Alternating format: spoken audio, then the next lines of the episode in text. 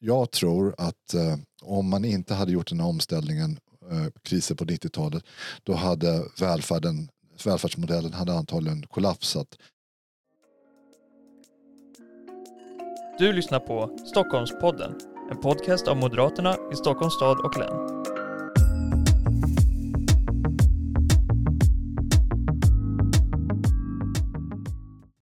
Hej igen och välkomna till Stockholmpodden. Idag så ska vi prata om en jätteintressant fråga med en väldigt intressant person som kan allt om privata aktörer i välfärden och inte minst ur ett forskningsperspektiv. Välkommen säger jag till Mårten Blix. Tack så mycket, kul att vara här. Ja, det tycker vi också. Väldigt roligt. Kan inte du berätta kort om dig själv och din bakgrund? Ja, väldigt kort. Jag har jobbat många år i regeringskansliet med olika frågor Eh, men sen gick jag tillbaka till forskningen eh, och har ägnat de senaste åtta åren kring att fundera kring välfärdsfrågor, sjukvård och digitalisering och skrivit en hel del om det. Och framförallt har jag också då på senare tid skrivit en bok om erfarenheter av privatisering i välfärden som vi kommer komma tillbaka till i den här podden.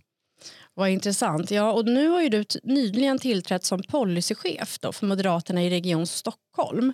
Och det har ju länge varit en intensiv debatt om vinst i välfärden. Eh, kan inte du säga någonting om vad forskningen säger om det? Just det, så vi sammanfattar den här forskningen i en bok som kom ut för två år sedan lite grann. Eh, och, och, vi pekar på den stora utveckling som har varit för att Sverige har gått igenom en väldigt stor förändring. Så om man tittar tillbaka på 80-talet då var det i stort sett inga privata utförare. Och eh, drygt 30 år senare så har vi räknat ut att ungefär en femtedel av alla välfärdstjänster, det vill säga äldreomsorg, sjukvård eh, och skola görs i privat regi. Så det är en enorm resa och vi tittar på att försöka förklara det och förstå det. Eh, och den eh, stora förklaringen som vi, som, som vi hittar då det är att eh, jag tror att eh, om man inte hade gjort den här omställningen, eh, krisen på 90-talet, då hade välfärden välfärdsmodellen hade antagligen kollapsat. Alltså det, för att man har legitimitet för den här modellen så krävs det att den levererar. Eh, tjänsterna måste vara tillgängliga och det måste vara bra kvalitet. Och vi hade inte klarat av att upprätthålla den här modellen om det inte hade styrts om. Så det, det är en stor lärdom. Och den andra lärdomen av eh, fördelarna med det här som vi kommer komma tillbaka till det är då att konkurrensen har varit bra. Eh, konkurrens är, är, bra på privata marknader men det är också bra i, eh, när man tittar på välfärdstjänster. Så det är, om man inte kommer ihåg någonting annat så ska man ta med sig att konkurrens är bra. Ja, och nu sker det ju väldigt stora förändringar, inte minst i Region Stockholm. Det handlar om förändringar i vårdval och ersättningssystem, sånt som kanske inte är så lätt att förstå för gemene man eller en vanlig patient. Men hur kommer det här påverka vården, både på kort och lite längre sikt? Vi kan väl säga lite först vad som är på, på väg att, att ske, för det är kanske inte alla som har uppmärksammat det. Eh, vi har ju de här valfrihetssystemen som har ökat tillgängligheten under, under många år. Och nu är de, eh, om man sammanfattar det lite, att de, de är ifrågasatta av vänsterstyret. Och de gör en hel del saker som eh, är på väg att nedmontera det. Så 200 avtal är på väg att, att ses över. Det är nästan hälf, mer än hälften av alla valfrihetsavtal inom olika former av specialistvård som håller på att antingen eh, tas tillbaka till egen regi, det vill säga monopoliseras igen, eller att eh, eh upphandlas eller att villkoren försämras. Så det är liksom en enorm omskakning eh, och det är all, områden alltifrån kvinnosjukvård till rehabilitering, det är ambulansvård, eh, jour och läkarbilar. Det, det är en, liksom en ganska väldigt stor omställning eh, som är på väg att rullas ut. Eh, och vad det gör, vi kan ju komma tillbaka till effekterna, men bara för att liksom sätta det i perspektiv att det är saker som kommer att hända de närmsta månaderna, åren. Men det skickar också en signal till eh, alla privata utförare att ungefär ni inte är välkomna. Så att det kommer att ha effekter på hur folk agerar och hur sjukvården agerar även långt utöver de här liksom direkta besluten. Ska vi säga någonting om vad, som är, vad, vad effekterna blir? Ja, precis. Jag tänker så här. Du har ju kallat den här nedmonteringen för en låtsasbesparing och att det leder till att kostnaderna istället hamnar någon annanstans inom ja. sjukvården. Då tänker jag att du kan utveckla det lite grann.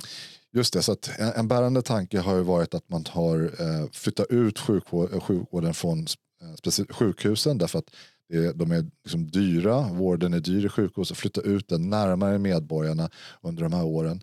Eh, de här stegen de gör att man flyttar tillbaka eh, en hel del sjukvård tillbaka till sjukhusen som är improduktiva. De har väldigt låg eh, produktivitet jämfört med de nordiska grannländerna, jämförbara länder. Och, vad innebär det då? Jo, det innebär att man får vård som tidigare gjordes långt ifrån sjukhusen görs på sjukhusen där det är dyrare. Bara, bara ett konkret exempel. Eh, ett akut eh, besök på akutmottagningen brukar kanske kosta 4-5 tusen kronor i runda slängar. Eh, om man jämför det med ett besök på en närakut så är det ungefär en tredjedel eh, av kostnaden. Och då om man skulle ha besökt en vårdcentral så skulle det vara en, en, en lägre kostnad. Så att det, det blir då verkligen en fördyring om patienterna istället för att vända sig till en, eh, akut, en närakut eller vårdcentral går till en akutmottagning. Men det är också bara den första effekten. Eh, den andra effekten är ju då om köerna ökar då får man massa människor som inte får sina eh, sjukvårdsbehov eh, tillgodosedda. Och antagligen så skapar man då stora merkostnader senare därför att någonting som inte behandlas eh, Eh, det leder till större problem senare. Så att man liksom kick the can down the road, att man skapar stora kostnader senare i systemet. Så att i den bemärkelsen är det verkligen inte bara en låtsasbesparing utan det är också en, en allvarlig fördyring och det är liksom det, är det sista man behöver i det här läget skulle jag säga. Och varför gör man det här då? Vad är motiveringen till den här centraliseringen från Socialdemokraterna och det här vänsterstyrets sida? Ja, alltså I min forskning så har jag inte hållit på att läsa tankar så mycket så det, det, det är en mycket svårare fråga. Men alltså om man ska göra en generös tolkning så så, så, att, så kanske man tror det här med att ta tillbaka kontrollen. Att, att det, det finns ju en del eh, det, det, det, finns en del problem med privata utförare. Eh, vi tycker ju för sig att det finns stora problem i egen regi också och att det är viktigt att man, man granskar båda verksamheterna på, på lika villkor. Men om man då tror att de här eh, de små problemen som finns att, att de inte går att hantera då då skulle det förstås vara ett skäl att eh, föra tillbaka verksamheterna till egen regi. Problemet är då att dels kostnaderna kommer att öka och ännu mer då tillgängligheten, det som har varit under lång tid Sveriges akilleshäl, att det är svårt att komma i kontakt med sjukvården, eh, det kommer ju förvärras. Och jag tror då eh, att det kommer att vara värst för de svaga grupperna i samhället, alltså de med låg utbildning och, och låga inkomster. Varför då? Jo, därför att eh, eh, om man är, har eh, högutbildad då kan man kanske prata bättre för sig själv i vården, man kan komma in i sjukvården, man kanske har en sjukvårdsförsäkring, man kanske har en läkare i släkten. Så att det är de, när man drar åt tillgängligheten, det kommer, vara, eh, det kommer drabba de svaga i samhället. Och den, den, den biten är väldigt, väldigt för svår att förstå, att, att styret inte liksom tänker på konsekvenserna av de åtgärder man gör. Ja, och det du nämner här då, eh, en, en ständig utmaning är ju den här bristande tillgängligheten och eh, det gäller ju alltifrån eh, akutvård till eh, ja, primärvård och, och även då sån här planerad vård som man säger om man eh, till exempel ska operera ett knä eller sådär. hur kan effektiviteten bli bättre? Ja, effektiviteten blir bättre när man, när man har eh, konkurrens mellan olika utförare.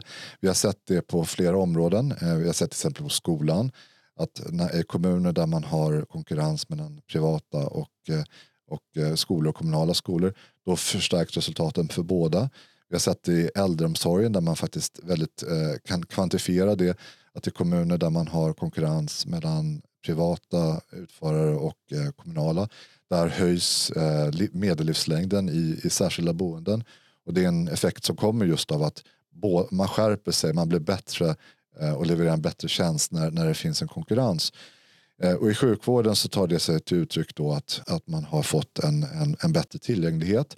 Kvaliteten har ju, sällan, det har ju inte varit ett problem i sjukvården utan svensk sjukvård har en hög kvalitet. Eh, utan det, är ju, det här problemet är ju den låga produktiviteten och eh, att, att det medför att patienter är i vårdköer. Det är det, är det som är problemet och, och där området jag tror jag inte så stor oenighet egentligen.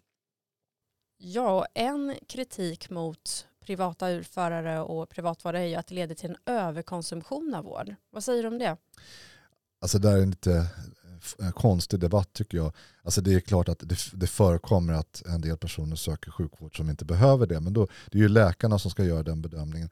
Men jag tycker man kan liksom lite grann vända på det. Att om man, om man då har ett eh, begreppet överkonsumtion av vård implicit så säger man ju också att, att någon gång för några år sedan kanske så var det en, en bra nivå av, av vårdkonsumtion. Men liksom, det, det, är, det är nog inte många som tycker det. Särskilt inte om man liksom ser en vårdkö. Vad är egentligen en vårdkö? En vårdkö är ju personer som, som inte får den vård som, som, som de behöver. Eh, så att egentligen så är ju vårdköerna snarare ett uttryck för, för motsatsen. Att, att liksom vi, vi får för lite vård. Så att jag tycker nog att den där, den där debatten är väldigt slarvig och, och onyanserad. Eh, och i grunden så är det ju liksom läkarna som ska göra en bedömning av är, är det ett riktigt behov eller inte. Så, så där, jag tycker det eh, är, är, inte en ärlig debatt att ha, bara slänga omkring med det uttrycket. Snarare är problemet som jag säger att vi har, eh, det är för lite vård, en underkonsumtion på många områden där, där folk li, verkligen lider. Och en eh, konsekvens av det där är ju att om man inte då får tag i vården, till exempel om man är orolig och så kan man lätt ringa vården eller kanske eh, ringa digitalt som eh, man har gjort då många mm. gånger. Och vad händer då när man stryper den här tillgången? Jag menar, en del kanske ger upp men andra kanske då söker vården någon annanstans. Ja, alltså om man, när man ökar tillgängligheten då måste man också eh, se till att, att det verkligen är eh, riktiga vårdbehov så att man inte liksom de som har förkylning liksom blir slam, framsläppta. Men eh, när, när folk inte kommer fram till vårdcentralen eh, eller eh, inte, och närakuten läggs ner, vi, närakuten i Hötorget är ett exempel på en, en närakut som ska läggas ner. Ja, vad gör man då? Ja, men då går man till akutmottagningen och eh, ja, vi har väldigt långa väntetider i akutmottagningarna och det är väldigt dyr vård. Så att det kommer bli en överbelastning av, eh, av hela systemet som, som drabbar liksom hela sjukvården för, för att man liksom har den här ideologiska tanken om att, att folk söker vård i onödan. Ja, men de allra flesta som söker sjukvård de gör det ju inte för att det är roligt utan det gör det för att det, det, finns, det finns ett verkligt problem. Vad skulle du säga blir konsekvensen av att man lägger ner närakuten på Hötorget? Ja, det, de har ju, genomför ju väldigt mycket som, som inte går att göra på eh, vårdcentraler.